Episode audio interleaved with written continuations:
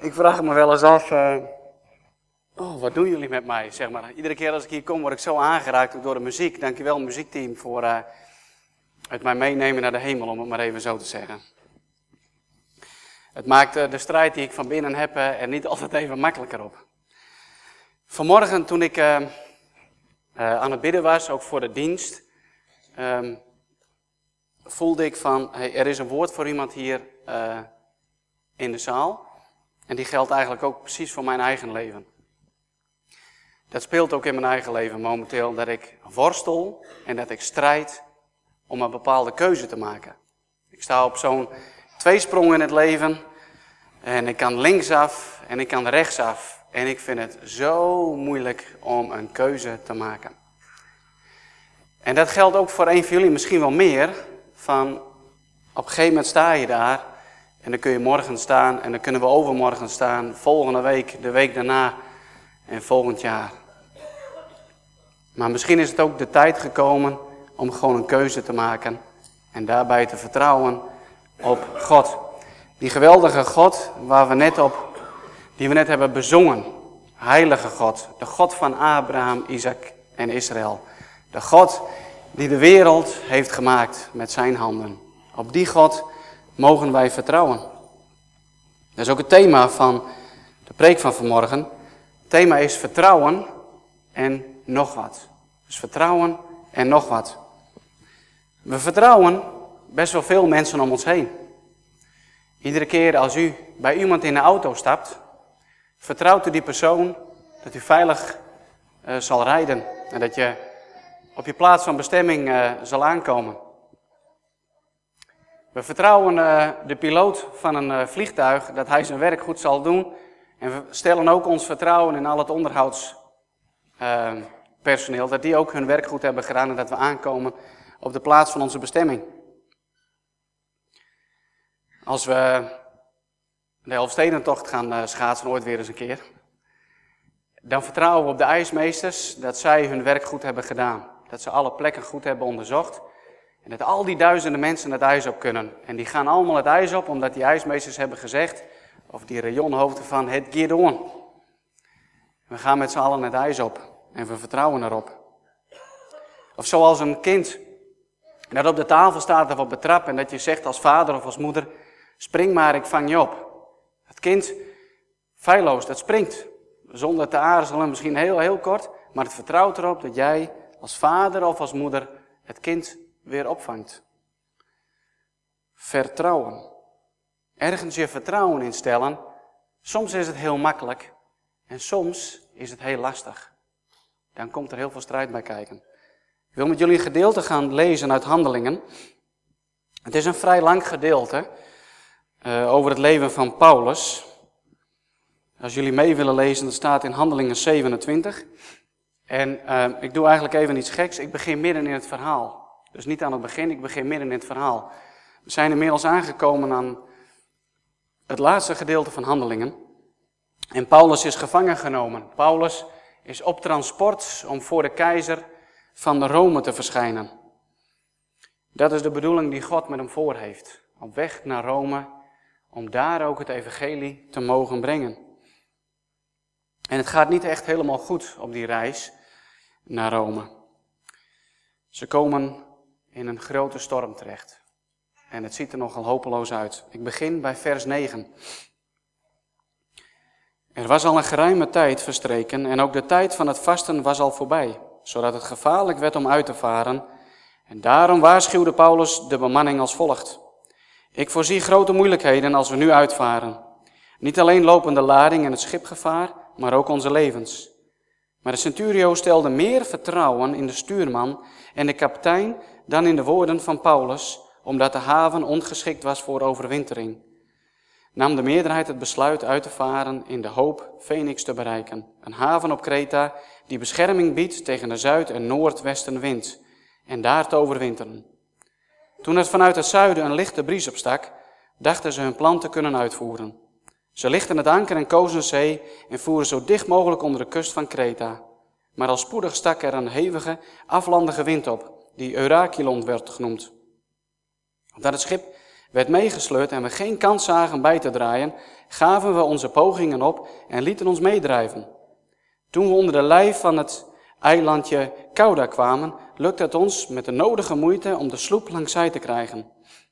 De bemanning hees de sloep omhoog en verstevigde bij wijze van veiligheidsmaatregel de romp van het schip met touwen.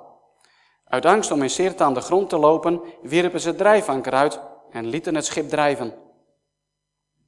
Het geweld van de storm was zo groot dat ze de volgende dag een deel van de lading overboord gooiden en de dag erna wierpen ze zelfs scheepsuitrusting in zee. Dagenlang waren de zon nog de sterren te zien en bleef de storm in alle eeuwigheid, hevigheid woeden, zodat we tenslotte elke hoop op redding verloren. Al geruime tijd had niemand aan boord nog iets gegeten. Toen sprak Paulus de opvarenden als volgt toe. Had men naar mij geluisterd, dan waren we op Kreta gebleven. Er waren ons deze moeilijkheden bespaard gebleven en was er niets verloren gegaan.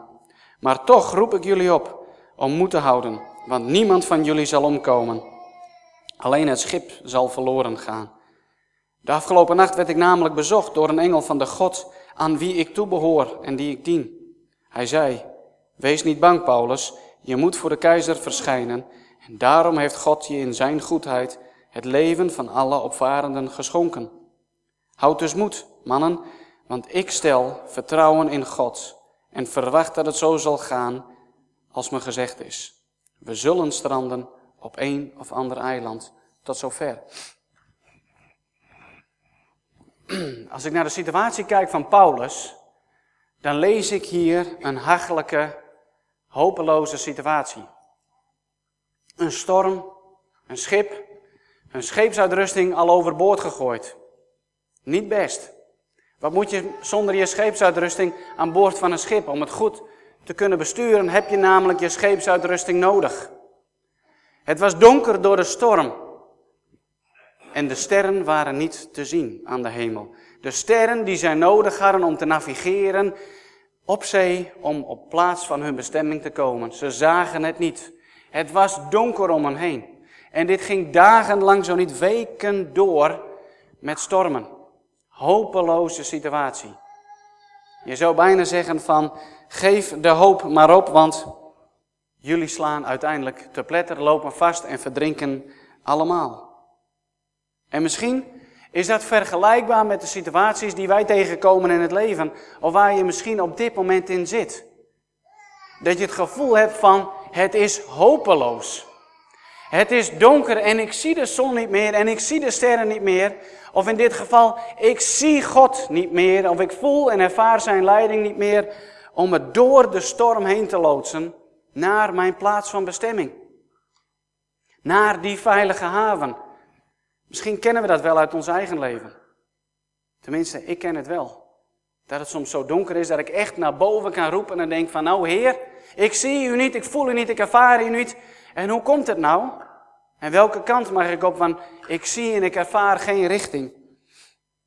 Oh, wat zou dat makkelijk zijn in die situaties waarin we keuzes mo moeten maken. Oh, wat verlang ik daarna op dit moment om gewoon een e-mail te krijgen vanuit de hemel, een fax, een brief. Of een duif mag ook, met een briefje eraan. Maar het gebeurt niet.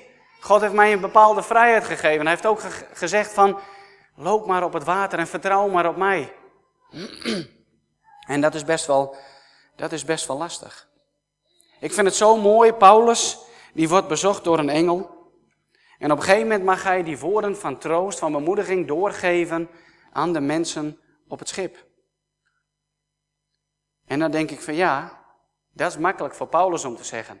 Die zegt van ja, ik heb een engel gezien. En die engel heeft tegen mij gezegd, Paulus, even in mijn eigen komt allemaal hartstikke goed. Maak je niet druk. En dan vervolgens gaat hij met het verhaal naar de bemanning toe en dan. Misschien op momenten dat we dus in die duisternis zitten, dat we een gevoel hebben van hopeloosheid, dat we die keuze mogen gaan maken in ons leven, dat we denken van ja, maar ik weet het niet, ik zie het niet, noem het maar op. En dan komt er iemand naast je staan, ja, kerel of zuster, broeder, komt allemaal goed, vertrouw maar op de Heer. En daar sta je dan, met die arm om je schouder van, mm, ja, ja, ja, ja, makkelijk gezegd misschien wel. Maar ja, nog steeds voel ik het niet en zie ik het niet. En ook dan komen we op het punt Dat we weer een keuze mogen gaan maken. Altijd weer die keuzes. We mogen een keuze maken om op dat moment, dat er dus iemand naast je komt staan met zijn arm of haar arm om je schouders heen. Vertrouw maar op de Heer. Dat je die keuze mag maken om het ook te doen. We mogen ons vertrouwen stellen op de Heer. Nu denk ik van, wauw, wat mooi eigenlijk. Hè? Als je zo bemoedigd mag worden in het leven en God stuurt je een engel en die bemoedigt je. En dan denk je van, nou, als dat mij zou gebeuren, nou, dan wist ik het wel hoor. Nou, dan is mijn vertrouwen wel uh, eh, 100%, geen probleem. Want ja, een engel heeft, uh, is er mij verschenen. Goed, het gebeurde Paulus. En het mooie is, als ik kijk naar vers 25, dan gaat hij, de bemanning gaat hij bemoedigen. En dan zegt hij tegen die mannen, houd dus moed mannen, want ik stel vertrouwen in God. En dan komt het. En verwacht dat het zo zal gaan zoals me gezegd is. De zin begint met een ongelofelijke stelligheid. Houd dus moed, mannen. Dat is heel stellig. Houd moed. Het komt goed, zit er als het ware in. En langzaam zwakt hij het eigenlijk toch stiekem een beetje af met. En ik verwacht dat het zo zal gaan zoals me gezegd is. Opeens spreekt hij niet meer vanuit zichzelf, dat hij zegt van, en het zal goed komen. En ik geloof dat, want God heeft het tegen mij gezegd. Nee, hij haalt opeens een andere partij erbij door te zeggen, en ik verwacht dat het zo zal gaan, zoals het mij gezegd is. In het woordje verwachten, tenminste in de voorbereidingen dat ik ermee bezig was, sprong dat er voor mij uit. Aan de ene kant prachtig mooi dat hij dat verwacht, maar er zit ook iets in van een stukje onzekerheid nog. Verwachten. Als ik een afspraak maak met Willem van, Willem kom je morgenochtend koffie drinken bij mij, dan verwacht ik hem morgen om tien uur bij mij om koffie te drinken. Er kan nog van alles gebeuren waardoor Willem niet komt. Maar ik verwacht hem wel. Er zit nog iets in van onzekerheid. Er zit nog iets in van, van, van hoop. Iets niet helemaal concreet.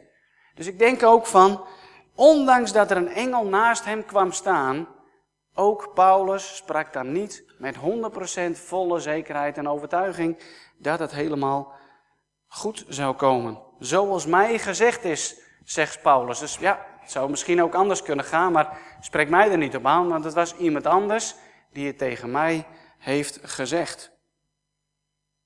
Heel mooi vind ik, is in het begin in vers 23, dat hij zegt, ik werd bezocht door een engel van God. En dan komt een prachtige mooie beleidenis aan wie ik toebehoor en wie ik dien. Aan wie ik toebehoor. Toebehoren. Hij is eigendom van iemand. Ik zie daar iets in van troost. Ik zie daar iets in van wat mij, als ik er zo over nadenk en ik projecteer dat op God, van ik behoor toe aan God, dan merk ik dat het wat doet met mij van binnen. Ik denk van, oh yes, ik ben veilig in de handen van God. Ook al kijk ik om me heen en zie ik storm. Ook al kijk ik omhoog en zie ik geen sterren. Ik weet, ik ben geborgen, veilig in de handen van God. Ik behoor toe aan God, die ik dien. En daar zit nog eens een keer iets actiefs in. Paulus weet dat hij bij God hoort. Paulus weet, wat het is hem geopenbaard, dat hij ook gigantisch zou moeten lijden voor, voor God. Om zijn naam bekend te maken in Europa, in Klein-Azië. De God aan wie ik toebehoor en dien.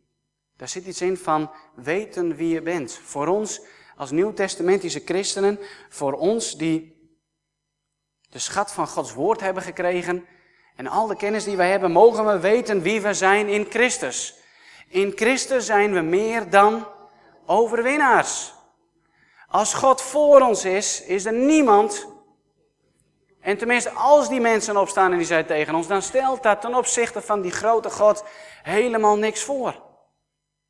Gods wil zal geschieden in jouw leven, zal geschieden hier op aarde. Ook al kijken we om ons heen naar de wereld. En als ik gewoon kijk met menselijke ogen, dan zie ik storm. En dan zie ik ellende. Ellende en ellende en ellende en onzekerheid. Als ik alleen al kijk naar Nederland met de economische crisis en recessie waar we in zitten, dan als je daar alleen al naar kijkt, dan word je toch alleen al deprimeerslachtig. Misschien heeft het effect gehad op je leven en misschien ben je je baan kwijtgeraakt, of misschien raak je die daardoor kwijt. Misschien heb je moeite om rond te komen en wat dan ook maar. en is het donker om je heen. Maar in de handen van God zijn wij geborgen. Alleen dat, dat laat nog een stukje open voor ons dat we nog een stukje er iets in mogen stoppen. Ik stel mijn vertrouwen op.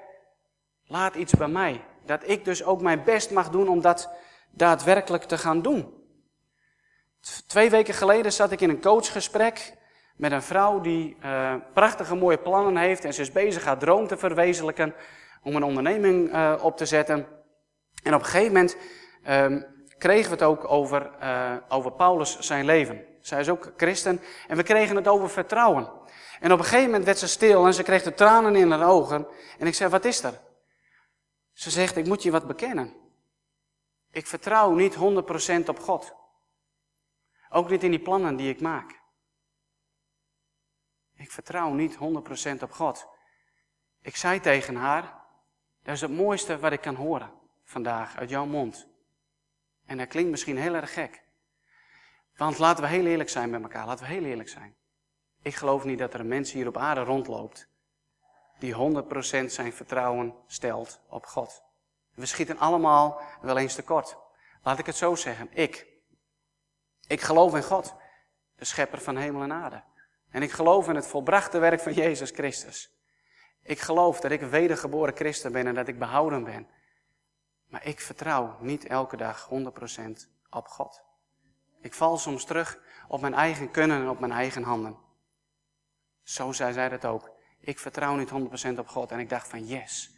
Want op een moment, als we dit eerlijk erkennen naar elkaar. Als we dit eerlijk toegeven en erkennen naar God.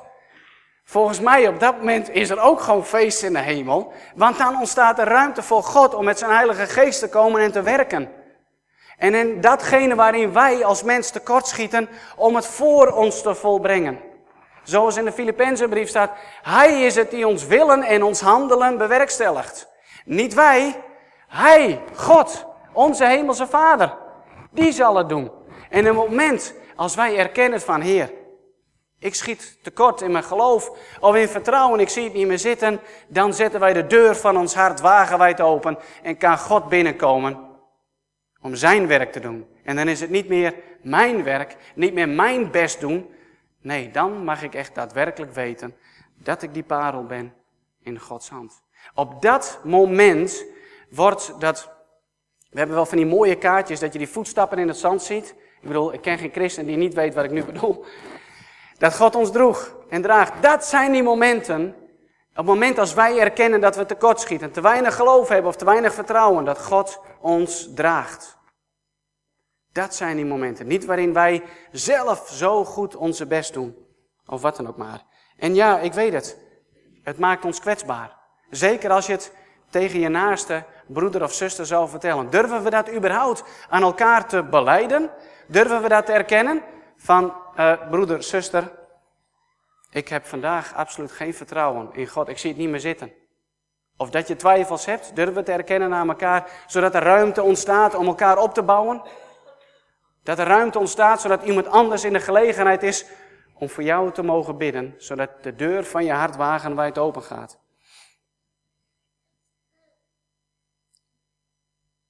Ik kom in heel veel verschillende kerken. Ik mag ook kerken ondersteunen, dus ik heb ook heel veel gesprekken met mensen. En ik kom wel eens wat tegen dat mensen zeggen: als je maar in, um, in de center point, zeg je in het Engels, in het middelpunt van um, van Gods wil staat, dan is alles pijs en vree in je leven. Dan gaan deuren voor je open en noem het allemaal maar op. Maar iedere keer weer als ik de Bijbel lees en ook als ik kijk naar het leven van Paulus, ik bedoel, hier lezen we het. De engel zegt, wees niet bang Paulus, je moet voor de keizer verschijnen. Dat is niet de eerste keer dat hem dat gezegd wordt. Paulus op dat moment is, staat in het middelpunt van Gods wil met zijn leven. Hij is onderweg naar Rome, hij is onderweg om het evangelie daar te verkondigen. Maar als ik dan kijk naar het hele verhaal daaromheen, als ik kijk naar het hele verhaal daarvoor, dan lijkt het alsof het niet zo is. Want er is niks anders als strijd en ellende in het leven van Paulus. Er zijn geen jippie verhalen, er zijn geen halleluja prijs de Heer verhalen en het gaat allemaal voorspoedig. De ene na de ander tegenslag, daar heeft hij mee te maken. De ene naar de andere tegenslag. Als Paulus in het middelpunt van Gods wil is, dan had God misschien ook in onze ogen wel zo kunnen ingrijpen, zoals Jezus op het meer van, van Galilea deed. Zwijg stil, storm. Golven wordt stil, maar dat doet hij niet. De storm ging nog een hele tijd door. Lees het hoofdstuk thuis maar eens helemaal uit van wat er allemaal gebeurt. En het gaat maar door. En de storm gaat door. En ze zien op een gegeven moment geen hoop meer. Het schip loopt vast. De soldaten willen op een gegeven moment de gevangenen doden. Maar daar wordt een stokje voor gestoken. Uiteindelijk moeten ze de keuze maken, en dat zie je pas helemaal in vers 43 en 44, om van boord te gaan, van boord te springen. Stel je voor. Stel je voor, de storm in je leven, de onzekerheid. Je kunt naar links, je kunt naar rechts. Het is donker. En alleen maar weet je van binnen, oké, God is bij me. God is bij me en heeft gezegd dat het goed is. Maar de golven houden niet op. De golven houden niet op. Ze hebben hun scheepsuitrusting overboord moeten gooien. Al hun, al hun overlevingskansen weg. Al het eten, het graan hebben ze overboord moeten gooien. Alle kans op overleven is weg. Vervolgens moeten ze het water inspringen. Het water is wild en woest. Het schip is vastgelopen. Maar God heeft gezegd, het komt goed. Maar het lijkt nog steeds niet zo. Nog steeds zit daar iets in als ik er zo naar kijk, dat oké, we vertrouwen op God. We stellen ons vertrouwen op God. En dat is soms alleen heel erg moeilijk. En daarom heeft God ons aan elkaar gegeven. Daarom zijn we gemeente om dat samen te doen. Dat als een er niet zit zitten, dat een ander hem kan begeleiden en bij hem kan staan. Ook al was het Gods wil, ook al zei hij het was goed, de storm bleef woeden. De storm kan blijven woeden in ons leven. Het kan nog steeds donker blijven zodat wij de sterren niet zien. En dat we nog steeds moeten vertrouwen op Hem. Maar ze komen uiteindelijk aan op plaats van bestemming. Schuilt ook iets in van geloof. In het begin geloofde de centurio de kapitein en niet, luisterde niet naar de woorden van Paulus. Later luisterde hij wel heel degelijk naar de woorden van Paulus. We hebben dus nog wel wat te doen als het stormt in ons leven en we stellen ons vertrouwen op God. Daar nog steeds mogen wij er een werkwoord van maken om dat vertrouwen te bewerkstelligen in ons leven. In afhankelijkheid van God.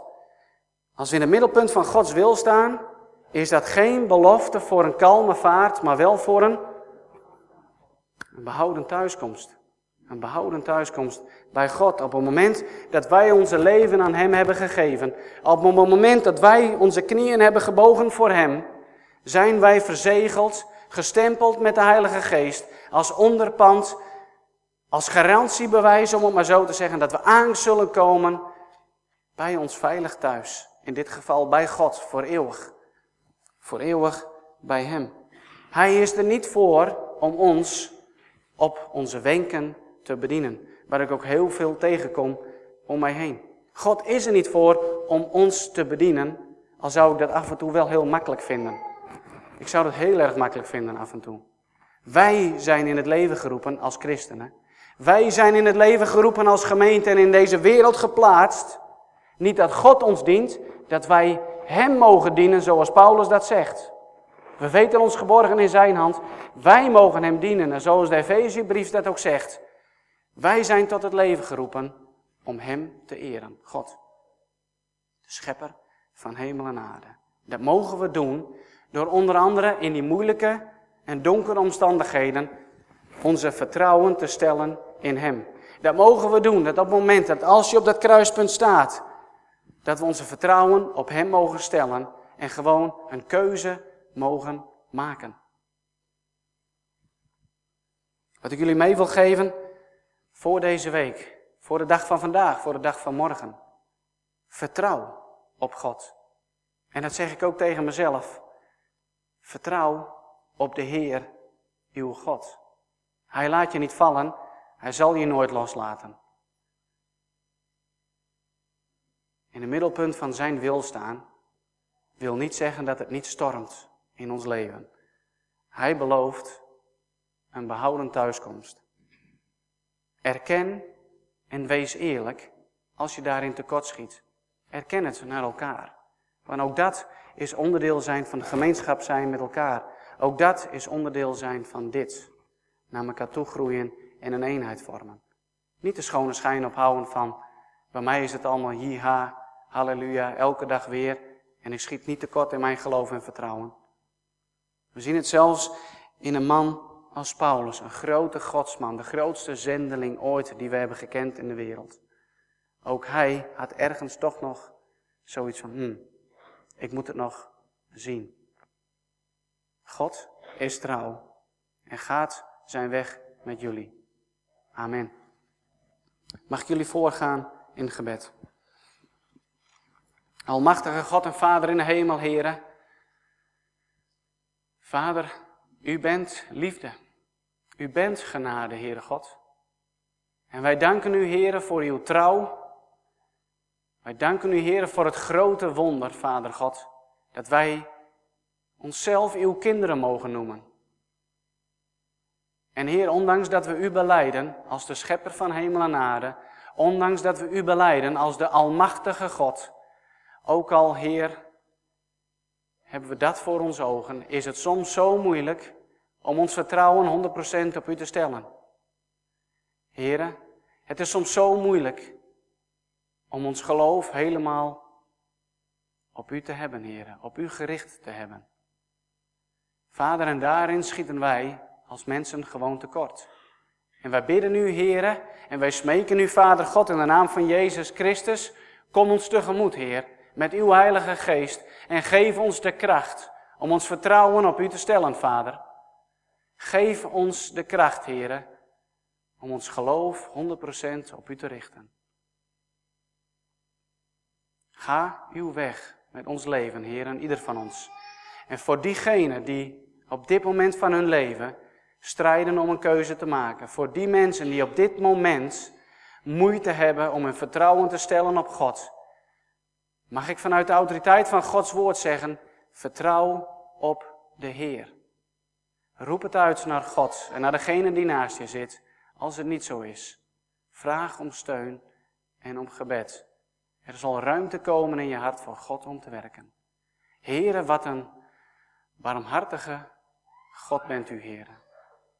Vader, ontfermt u zich over alle mensen die op dit moment op vakantie zijn, heren, en hier niet kunnen zijn. Ontfermt u zich op de plaatsen waar ze nu zijn en dat ze u mogen ervaren in hun leven. Vader, uw wil geschieden in ons leven tot eer en glorie van uw naam. Glorie, halleluja. Amen. Amen.